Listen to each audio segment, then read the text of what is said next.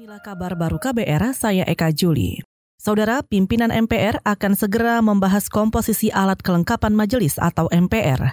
Ketua MPR Bambang Susatyo mengatakan, rapat pimpinan untuk menentukan pembagian tugas wakil ketua MPR dan komposisi sejumlah badan pendukung kerja di MPR agar segera dilakukan dalam waktu dekat. Kami pimpinan MPR sepakat pembagian tugas dan pembahasan untuk alat lengkapan majelis atau MPR akan kami lakukan besok. Kita akan bagi habis tugas-tugas ke 9 wakil ketua MPR lainnya, plus juga pembentukan tiga badan dan komisi. Mekanismenya besok kami lakukan dengan rapat pimpinan. Saya akan menawarkan kepada para wakil ketua atas pembagian tugas agar uh, semua memiliki tanggung jawab. Ketua MPR Bambang Susatyo mengatakan pembagian jatah tugas wakil ketua MPR akan ditentukan berdasarkan asas musyawarah mufakat.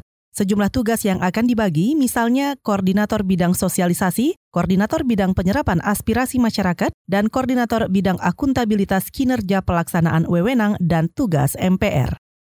Ombudsman Indonesia mempertanyakan langkah polisi melakukan uji balistik ke luar negeri atas peluru tajam yang menewaskan Imawan Randi, mahasiswa Universitas Halu Oleo Kendari, Sulawesi Tenggara. Randi tewas tertembak ketika berdemonstrasi menentang sejumlah rancangan undang-undang bermasalah di kantor DPRD Kendari akhir September lalu. Anggota Ombudsman Laude Ida khawatir uji balistik peluru di luar negeri malah bisa menghilangkan barang bukti. Dilakukan uji balistik harus di luar negeri. Kan di Indonesia sudah cukup canggih juga uh, peraturan forensiknya atau uji uji balistik seperti itu. Gitu. Itu sudah sudah cukup tersedia di Indonesia. Memastikan ini di, mendinginkan agar di masyarakat agar uh, kor pihak korban atau masyarakat umum itu melewatkan situasi ini, uh, peristiwa ini, menghilangkan peristiwa ini dalam memori publik secara luas. Anggota Om Ombudsman Indonesia Laude Ida menduga proses uji balistik peluru ke luar negeri hanya strategi polisi untuk memperlambat proses pengungkapan kasus kematian Randi. Saudara, perwakilan sejumlah pimpinan badan eksekutif mahasiswa tadi malam gagal berdialog dengan Gubernur Jawa Timur Hovifah Indar Parawansa di Gedung Gerahadi Surabaya.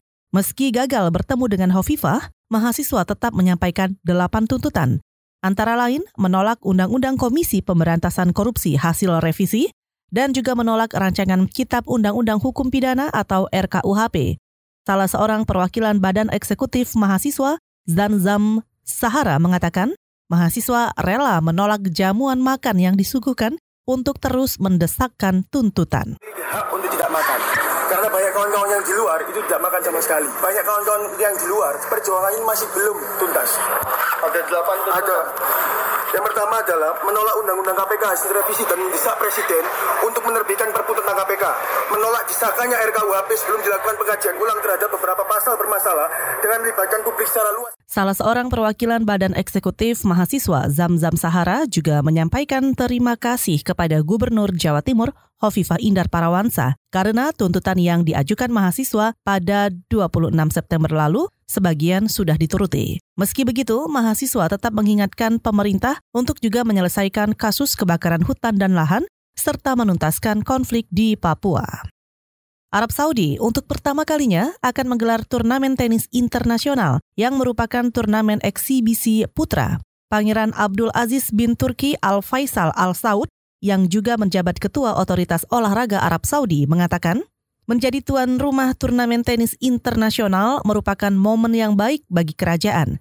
Sejauh ini sudah dua petenis unggulan yang menyatakan siap bertanding, yaitu juara Grand Slam tiga kali dari Swiss, Stanislas Wawrinka, juga bintang baru Daniel Medvedev asal Rusia. Turnamen berhadiah total 3 juta dolar Amerika atau setara lebih dari 42 miliar rupiah di kota Diriah di pinggiran Riyadh itu dan akan berlangsung pada 12 hingga 14 Desember mendatang.